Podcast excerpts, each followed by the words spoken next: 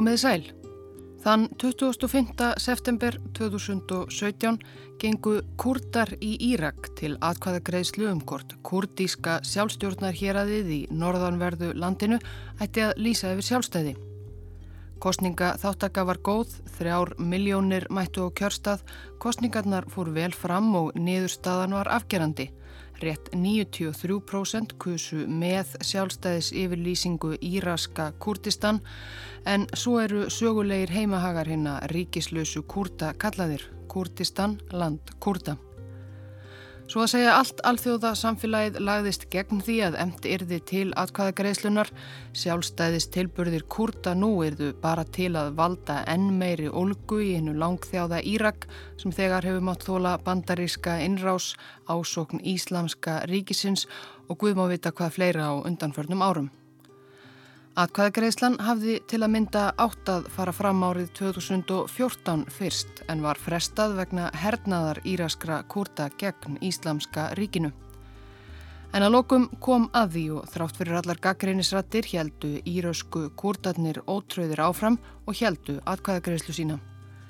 Tekið var fram að niðurstöður yrðu ekki bindandi og þegar þetta er lesið í hljónemann á geti hlustandi er ekki alveg ljóst hver eftirmálin verða af atkvæðagreislunni ef einhver. En ljóst er að íraskir kurdar þrá sjálfstæði undan arabískri stjórn í Bagdad, rétt eins og margir tyrkneskir kurdar vilja einnig standa á eigin fótum og íranskir kurdar og kurdar hvar sem þá er að finna dreyma um eigið heimaland, eigið Kurdistan sem hefur aldrei verið til á nútíma landakorti.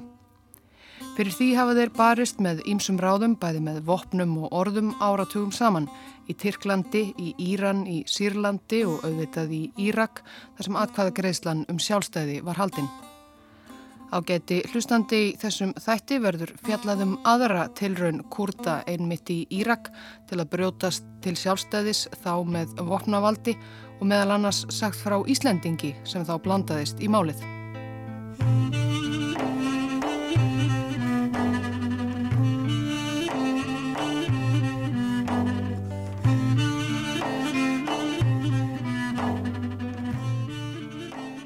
1958 voru miklir umbróta tímar í Írak.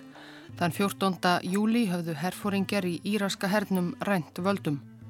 Herfóringarnir voru innblásnir af kollegum sínum í Egiptalandi, Gamal Abdul Nasser og félögum hans sínum frjálsu herfóringum sem höfðu rænt völdum þar sex árum áður.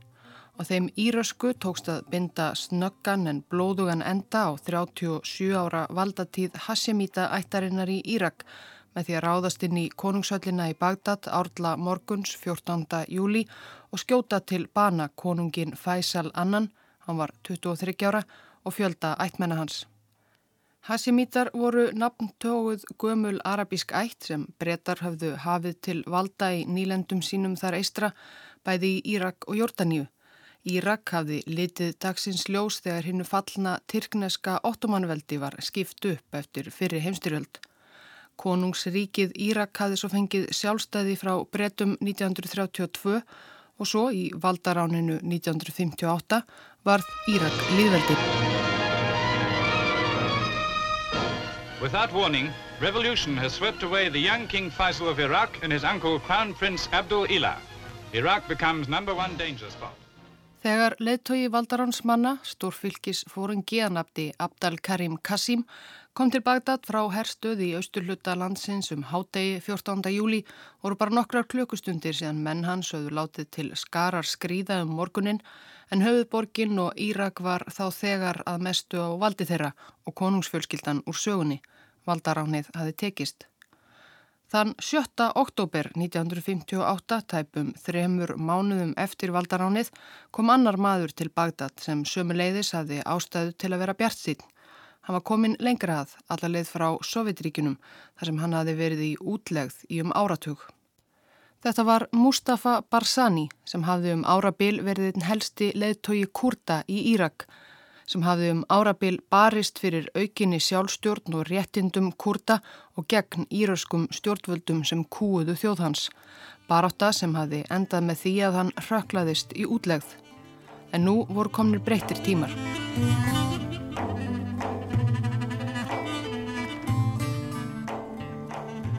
Þjóð Kurta hefur búið á því svæði sem nú kallast miðaustulöndi árþúsundir. Þetta er indo-evrósk þjóð, skild írönum eða persum og í raun skild er Íslendingum en til dæmis arabum og tungumál þeirra, kurtíska, greinist í allmargar ólíkar málískur sem leiðis skild persnesku og pastó og fleiri málum. Þetta er fjallathjóð, sögulegir heimahagar þeirra eru í og við fjallgarðana Sakros og Taurus og Evri Mesopotamíu Nú á dögum tilherir þetta svæði mörgum ríkjum í suð-austanverðu Tyrklandi, norð-vestanverðu Íran og norður Írak og norður Sýrlandi. Þó kurdar eigi sér ekki þjóðuríki, nú hefur það alls ekki alltaf verið svo.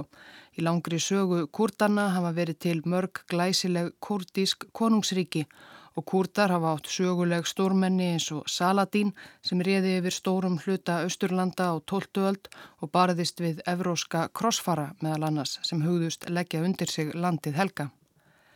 Þegar komið var fram á 19. öld voru svæði kurdað stórum hluta innan landamæra annara stórvelda, Tyrkjaveldis og Persju. Kurdar voru þá bara ein af fjölmörgum þjóðum og þjóðarbrótum í ottomanveldi Tyrkja og eins og með fleiri þjóðir í þessum stóra en þá nignandi heimsveldi fór að vakna þjóðernis vitund meðal kurda á 19. öld. Bæði í Tyrkjaveldi og í Persíu fóru kurdar að krefjast réttarsins, sjálfstjórnar og sjálfstæðs ríkis. Á og tilreindu hópar kurda að rýsa upp gegn tyrkneskum yfirvöldum í Istanbul og persneskum í Teheran en með litlum árangrim. Að lokum molnaði Tyrkjaveldi í lok fyrri heimstyrjaldar og landsvæðum þess var skipt upp milli sigursætla bandamanna í styrjöldinni. Heimahagar kurda eruðu þá hluti af ymsum löndum sem allt í einu byrtust á heimskortinu, Tyrklandi, Sýrlandi og Írak. Það síðast nefnda var brest yfir á það svæði. Þegar brettar skipulögðu stjórn sína í Írak gerðu þeir ráð fyrir kurdísku svæði í norð-austur hluta landsins þar sem kurdar myndu njóta nokkurar sjálfstjórnar þó ætið undir brettum og þeim sem brettum þóknaðist að stjórnudu öllu landinu Írak. Brettar hafður reyndar á einhverjum tímapunkti í skiptingu landa Tyrkjasóldáns lofað kurdum sínu eigin sjálfstæði ríki gegn því að njóta stuðningskurda við skiptinguna en það lofvorð sviku brettar, kannski ekki síst vegna grunnsum að undir jörðinni í norðanverðu Írak þar sem kurtarnir byggu reyndist ólíja, sá grunur reyndist enda réttur. En í vonum að halda kurtunum góðum skipuðu brettar vinsælan ættbólka höfðingja landstjóra sinn í kurtahýraðum Írak, mann að nafni Mahmoud Barzanji. En það var sjálfstæðis hugur í kurtunum enn og höfðingin Barzanji hafði meiri metnað en svo að verða bara leppur breyta og hann var ekki fyrrsestur á valdastól en að hann leitti menn sína í uppreist gegn breskum nýlenduherrum 1919. Uppreisnin mistókst og Barzanji var dæmdur til árs útlegðar í breska Indlandi. Þegar hann snýri aftur fekk hann að halda áfram sem héraðstjóri en emdi strax til annarar uppreisnar Hún var aðeins árangusríkari. Barzanji lísti yfir stopnun kurdisks konungsríkis með sjálfan sig sem konung. Það lifði til ásins 1924 í tæp tvö ár þar til breskum hermönum tóstað hveða niður sjálfstæðis brölt Barzanjis í annaðsinn og kurdiska konungsríkið var innlimað í breska Írak á ný. Barzanji fór þá í sjálfskeipaða útlegð til fjalla en í rauðum fylgismanna hans voru ekki allir reyðubúnir að gefast upp.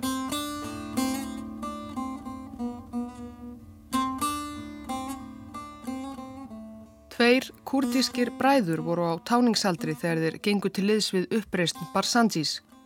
Eftir nafn þeirra var keimlíkt nafni leittóhans. Þetta voru bræðurnir Ahmed og Mustafa Barzani, sá fyrirnemdi og eldri var höfðingi samnemds ættbálks þrátt fyrir unganaldur, ættbálk sem kendi sig við bæin Barsan í kurdísku fjöllunum við bakka fljótsins Saab þar sem þeir bræður voru báðir fættir. Barsan var smáþorp sem hefði varla talist í frásögur færandi eða þorsbúar hefðu ekki haft að orða á sér að vera miklir og djarfir stríðsmenn. Ahmad Barsani, eldri bróðurinn, var af lýsingum að dæma nokkur servitringur. Hann reyndi að sameina sundurleita kurdíska ættbólka undir sinni stjórn, honum varð ágætlega ágengt með það, en vildi einnig sameina kurtísku þjóðina trúarlega. Kurtar aðhyllast ímis trúarbröð, flestir Íslam en aðrir kristni og geðingdóm. Ahmed Barzani fór að þróa sín eigin trúarbröð, blöndu af þessu þrennu og varða lokum fullvis um eigin heilagleika og guðdóm. Á meðan hann var upptekinn af slíkum loftköstulum var það yngri bróðurinn Mustafa sem fór fyrir hersveitum ættbálksins. Uppreist þeirra bræðra gegn bretum og íröskum stjórnvöldum sem voru í þann vegin að taka við af nýlenduherrunum hófst síðla árs 1931. Kveikjan var reyndar rifrildi Ahmeds Barzani við menn af öðrum kurdískum ættbálki sem sökuðu hann um trúvillu. Þegar átök brutust út milli Barzani manna og hins ættbálksins gripu stjórnvöld í Bagdad tækifærið til að blanda sér í málið en þeim var þá mikið í munað hveða niður hinn að sérvitru Barzani bræður og fylgismenn þeirra áður en Írak er því formlega sjálfstætt 1932. Bretar veittu þeim aðstóð meðal annars með loftárásum sem leku kúrtana grátt. Eldri bróðurinn Ahmed gafst upp á landamærum Íraks og Tyrklands í júni 1932 en yngri bróður hans Mustafa og menn hans börðust áfram í tæft ár. Þá loks þurfti Mustafa Barzani einnig að játa sig sigraðan en ekki að eilifu.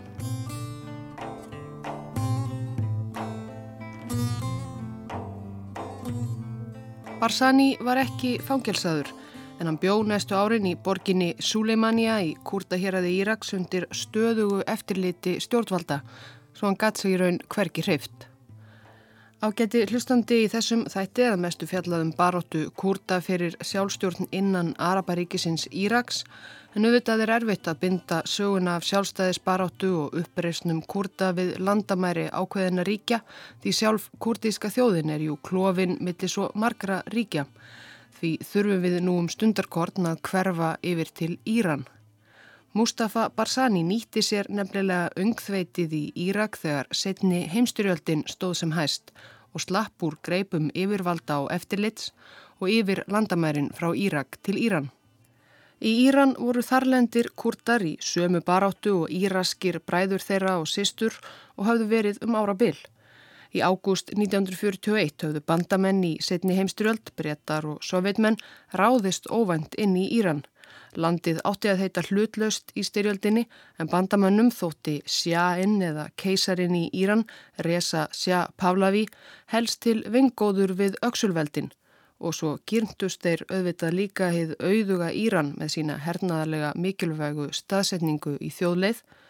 Og því var ákveðið að setja keisaran af og koma síni hans ungum fyrir á valdastóli í staðin, Muhammed Reza Pahlavi. Af þeim Pahlavi feðgum er önnur saga en allavega. Þegar Barzani barað gardi til frænda sinna í kúrtahjörðum Írans voru þau á valdi sovitmanna.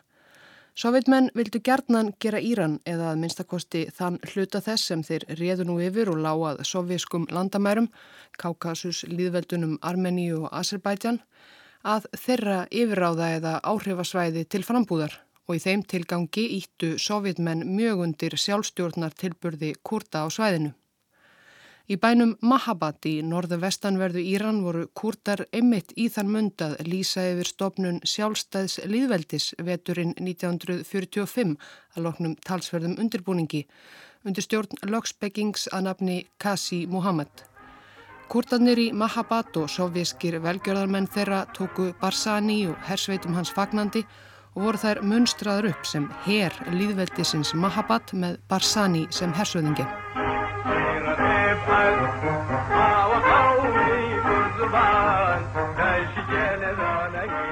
Líðveldið varð formlega til í janúar 1946. Kurdískur byltingarsöngur var gerður að þjóðsöng, Eira Kýp og Óvinnur, kurdíska þjóðin hefur ekki verið sigruð og flest annað sem tilherði nútíma þjóðuríki var tínt til en þetta fyrsta kurdíska nútímaríki varð ekki langlýft. Eftir að heimstyrjöldinni laug þrýstu vesturveldin á sovjetmenn að yfirgefa Íran. Nýji Sjáinn, sonurinn Muhammed Reza, reyndist svona líka diggur bandamaður bandaríkjana á Breitlands og sovjetmenn letu sig loks hverfa í mars 1946. Þá stóð kurdíska líðveldið Mahabad 1 gegn íranskum stjórnvöldum sem var ekki sérstaklega vel til þeirra og líðveldið sjálft var þá þegar að molna innanfrá í efnahagstrengingum án sovjaskrar aðstóðar og innbyrðis deilum milli innfættu írönsku kurdana og írösku innflytjandana Barzani og manna hans.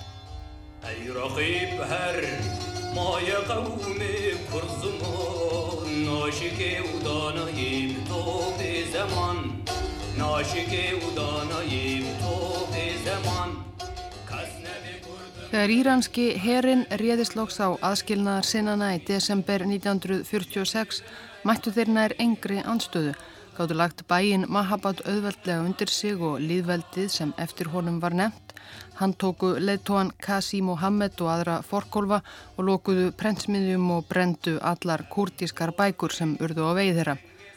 Barzani og írauksku kurdarnir lögðu á flóta ekki aftur til Íraks heldur lengra norður yfir landamærin til Sovjet-liðveldisins Azerbaijan. Þar skildu þeir dúsa í útlegð í meira en áratug.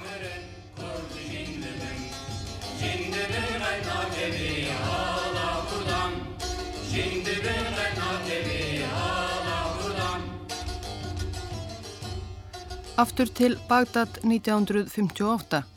Eftir velhæfnað Valdarán hófust Abdel Karim Kassim og félagar hans frjálsu herfóringarnir handa við að byggja upp nýtt Írak-byltingarinnar.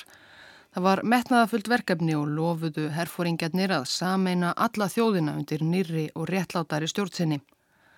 Meðal annars áttu allir helstu hópar sem byggðu Írak að koma að stjórn landsins. Í ríkistjórn var gert ráð fyrir bæði Arabum sem aðhyldust Shia Íslam, meiri hluti landsmanna þá sem nú, sem og Arabum sem aðhyldust Sunni Íslam, sem og Kurdum.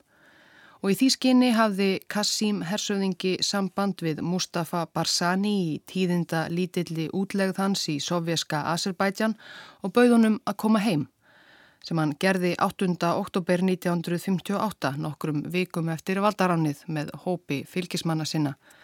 Þeir var tekið fagnandi af kurtunum í Bagdad sem og herfóringunum sem lefðu Barzani og félögum að hreyðira um sig í einni af höllunum sem konungsfjölskyldan sáluga skildi eftir sig. Í nýri stjórnaskrá byltingaríkisins var talað um bræðralag Araba og kurta í Írak og kurtum tryggð Ímis réttindi en þessi fallegi vinskapur endist í miður ekki lengi. Fljótlega varð ljóstað Abdel Karim Kassim hafði helstug á því að drotna í Írak sem einræðisherra og bar hag kurtísku þjóðarinnar ekki sérstaklega fyrir brjósti.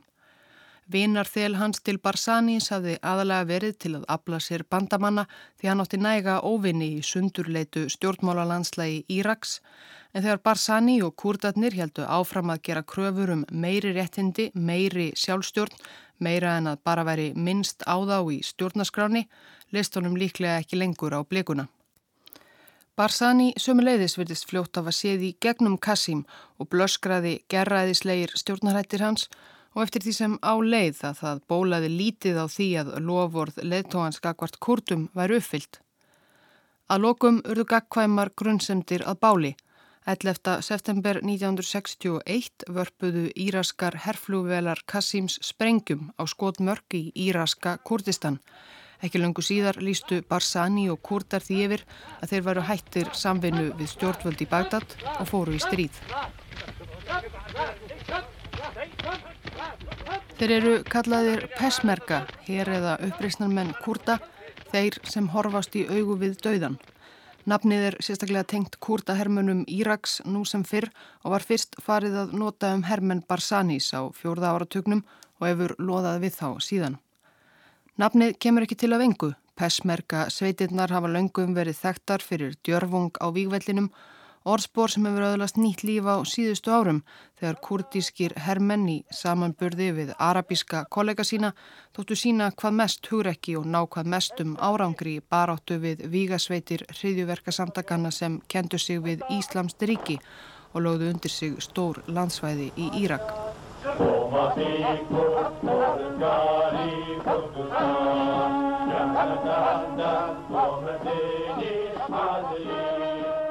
Mustafa Barzani var sömuleiðis röggsamur og rómaður lettogi og herfóringi og hans er minnst enn í dag sem eins af stórmennum kurdískra sögum.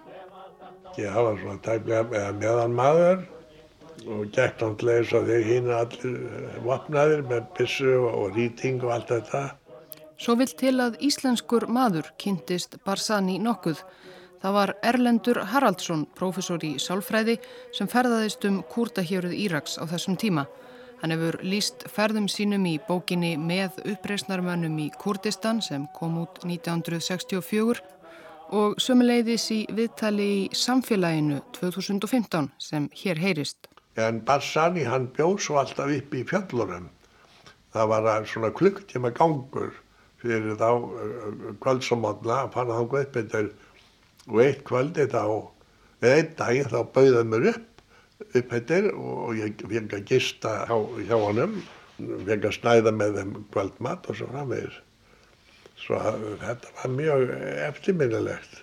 Full ástæða er til að heyra meira af frásokn Erlends. Hvernig kom það eiginlega til að hann lendi meðal uppreysnarmanna í fjöllum Kurdistan í miðri styrjöld?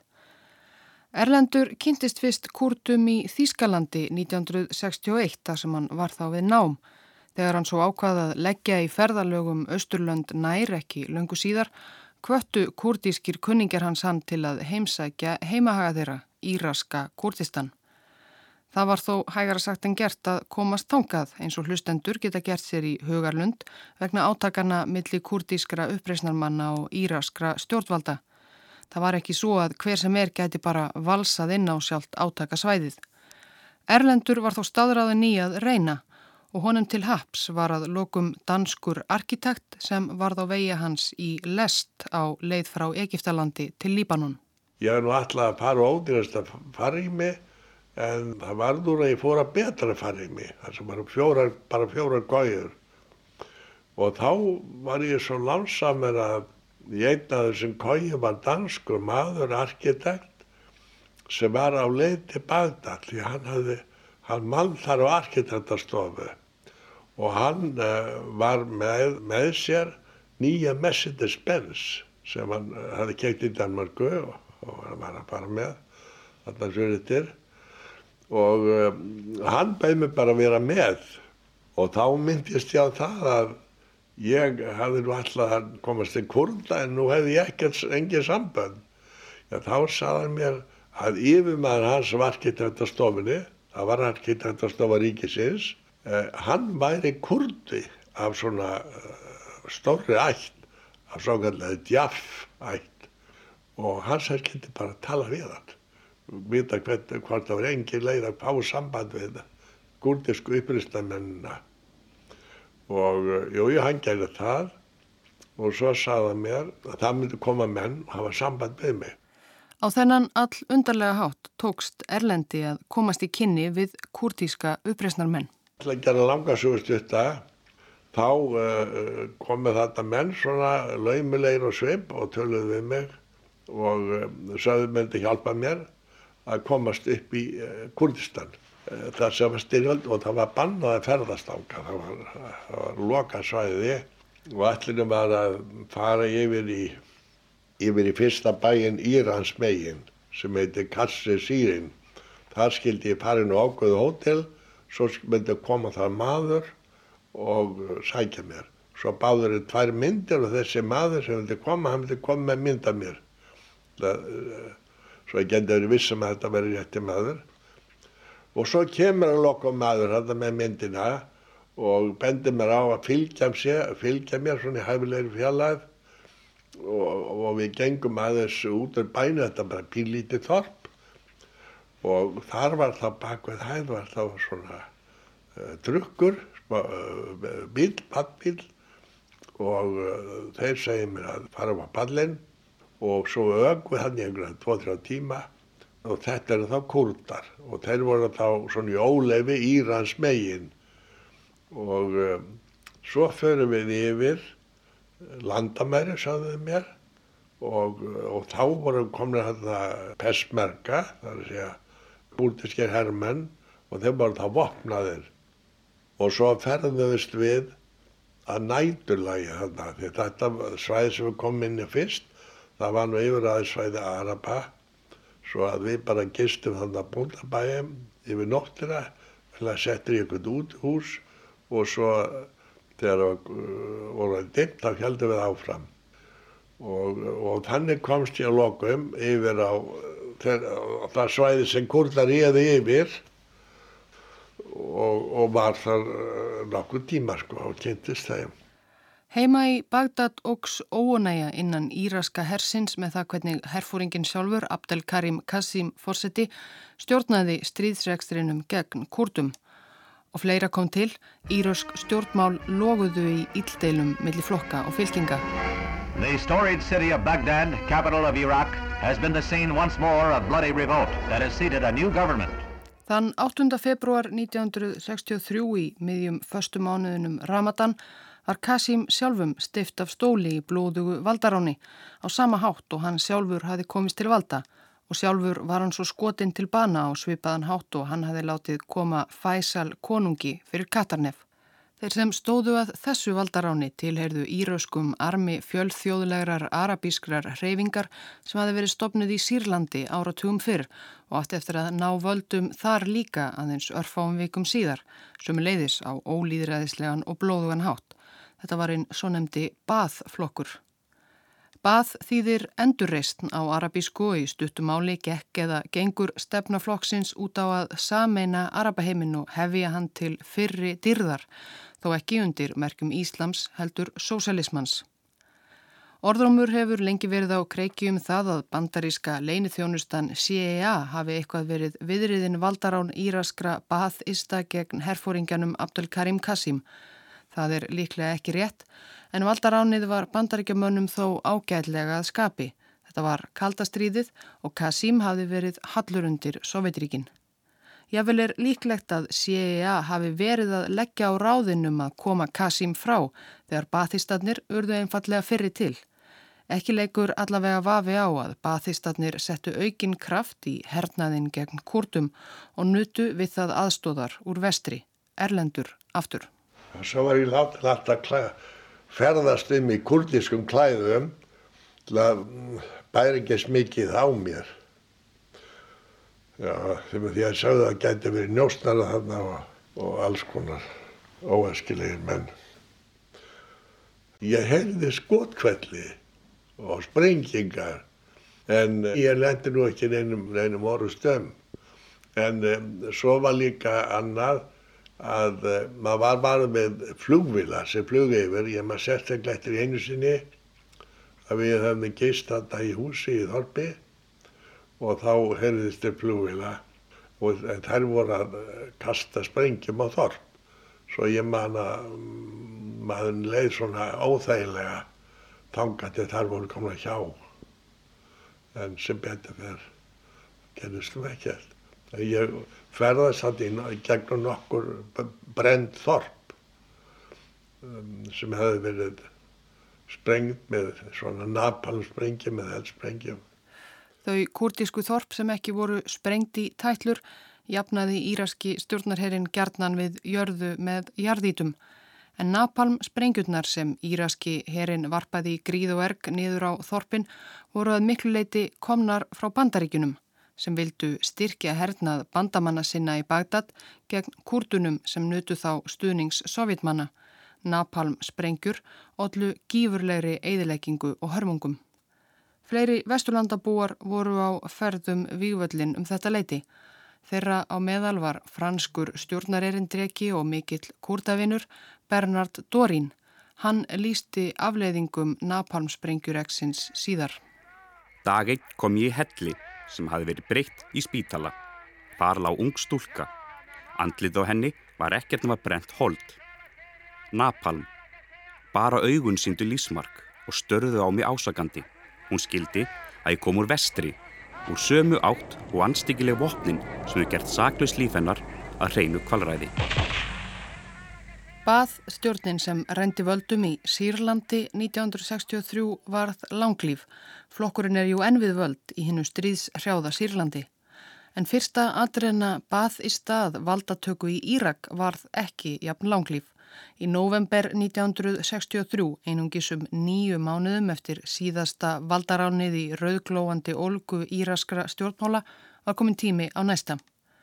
Nú var það einn af gömlu bandamönnum Abdel Karim Kassims herfóringja í valdaráninu 1958, Abdul Salam Arif, sem reyndar hafi síðan snúist gegn honum, sem blöskraði karp og innbyrðis valdabaráta bathistana, greip völdin í eigin hendur og sendi flokkin í felur, þó var nætti eftir að láta til sín taka síðan meir. Arif bóðaði til vopnahlés í stríðinu við Kurta í februar 1964 og nokkur síðar sneri Erlendur Haraldsson emitt aftur til Kurdistan, hverfum aftur til frásagnar hans úr samfélaginu 2015. Og aftur fór ég til Bagdad og komst í sambandi við sendimenn Kurda eh, í Bagdad. Og þeir eh, hjálpiði mér aftur upp í, upp í þetta Kurdistan sem var svona ævindirileg ferð. Og, eh, og þá fór ég mun norðar í landið og til Ranja sem er bæð þarna miðlendis í Kurdistan. Og þar var þá Mullah Mustafa Bassani sem fræði maður. Og, og þegar ég var þarna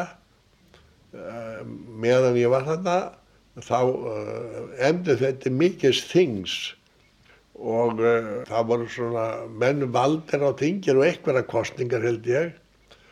Og svo var allir trúanleitumar eða leitum allra trúfélagi var bóðið og þeir uh, líst yfir på sitt eigið eindæmi sjálfstjón í Íraska Kurdistan og ég skrifaði þetta mér sem fyrir, fyrir hérna Daily Telegraph því að ég verið eini bladamæður þannig, eini fjartamæðurinn og svo létt uh, Barzani, einhverja menn fara á launni til Bagdad og kaupa handi með 16mm kvikmyndavél svo ég tók allar myndir til dæmis að Barzani og hans félagum þegar að ganga þetta og, og það kom senna í Þíska sjónvarpinu. Erlendur hjælt svo aftur til síns heima. Hann átti eftir að halda sambandi við kurdíska kunningja og meðal annars komað heimsókn kurdískrar sendinemdar til Íslands síðar meir en vopnallið sem hafi gert honum kleiftað ferðast á auðveldari hátum Íraska Kurdistan, það hjælt ekki lengi. Átök millir Íraska stjórnarhersins og uppreisnarmanna Kurda hófusta nýju og hjæltu áfram. Íraski stjórnarherin sótti gegn kurdísku borginni Suleimania í byrjun árs 1965 og svo Ranja þar sem Erlendur hafi verið. Fleiri napalmsprengju fjallu og fleiri þorp og börn brönnu.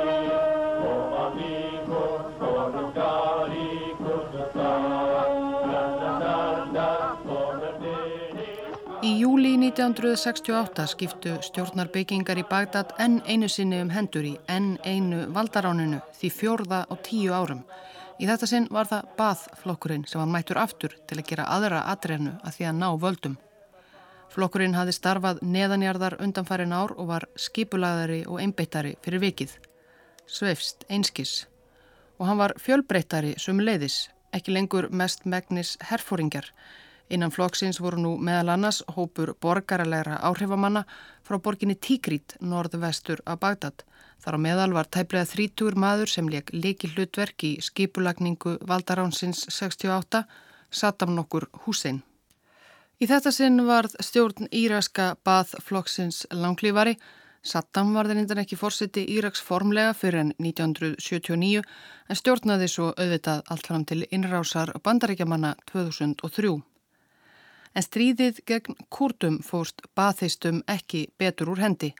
Undir lokárs 1969 lág líklega um 100.000 manns í valnum þar meðalfjöldi almennra kurdískra borgara sem hefðu orðið napalm sprengjum að bráð. En pattstaða var komin í sjálf átökin og ákveði var á vormánuðum 1970 að semja um frið. Fríðarsamningarnir kváðu áum að íraskir kurdar myndu smátt og smátt öðlast meiri sjálfstjórn á næstu fjórum árum. En þegar áleið kom í ljós að eins og svo oft áður í sögu kurdísku þjóðarinnar ætlaði Bagdadstjórnin sér ekki að halda loford sín gagvart kurdunum. Miklu frekar vildu þeir sölsa alveg undir sig ólíu auðug landsvæði kurdana.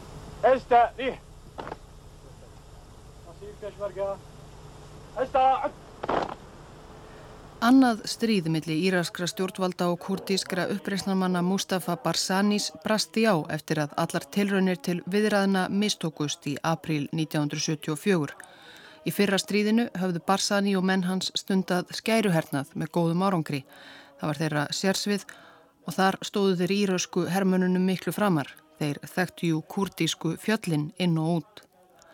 Í síðara stríðinu reyndu kurdarnir að stunda hefbundnari hernað, nokkuð sem hendaði þeim miklu verð og mistu líka stuðning mikilvæg sem kannski ólíklegs bakhjarls Írans.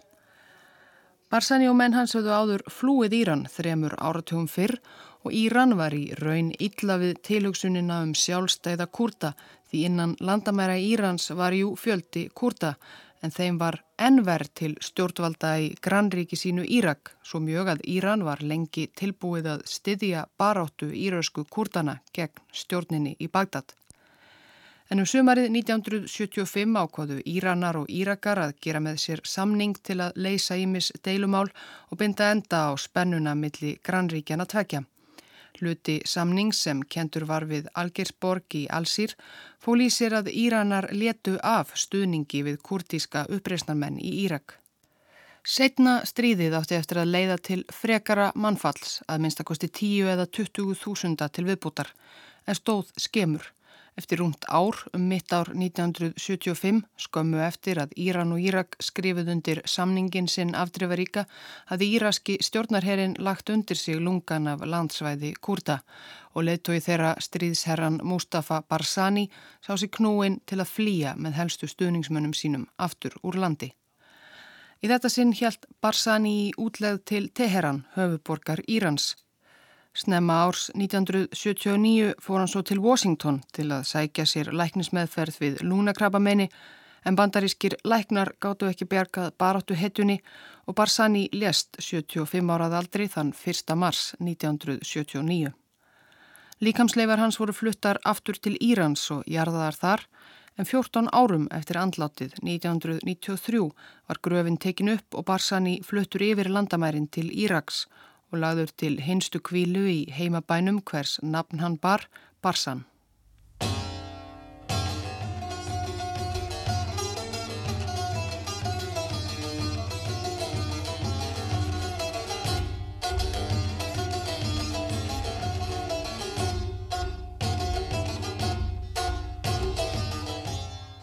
Ágæti hlustandi, hér hefur aðeins verið stiklað á stóru í umbrótasögu Íraskra kurta og um leið Íraks sjálfs þrjá fjórðunga af 20. öld.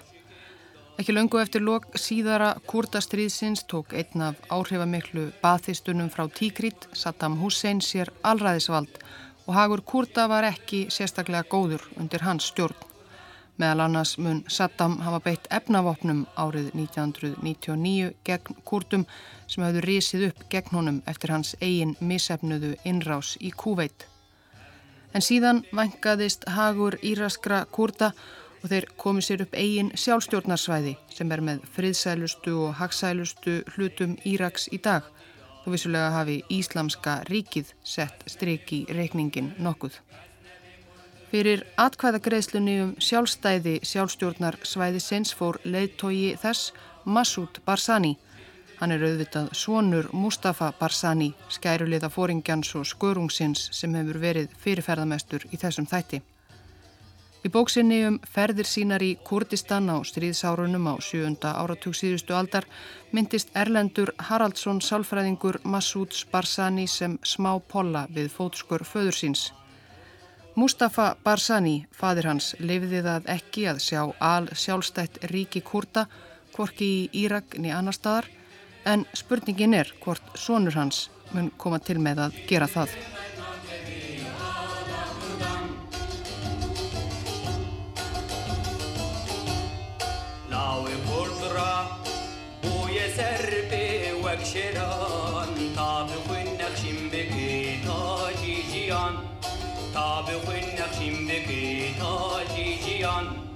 Kasnebi kurdum mürün, kasnebi kurdum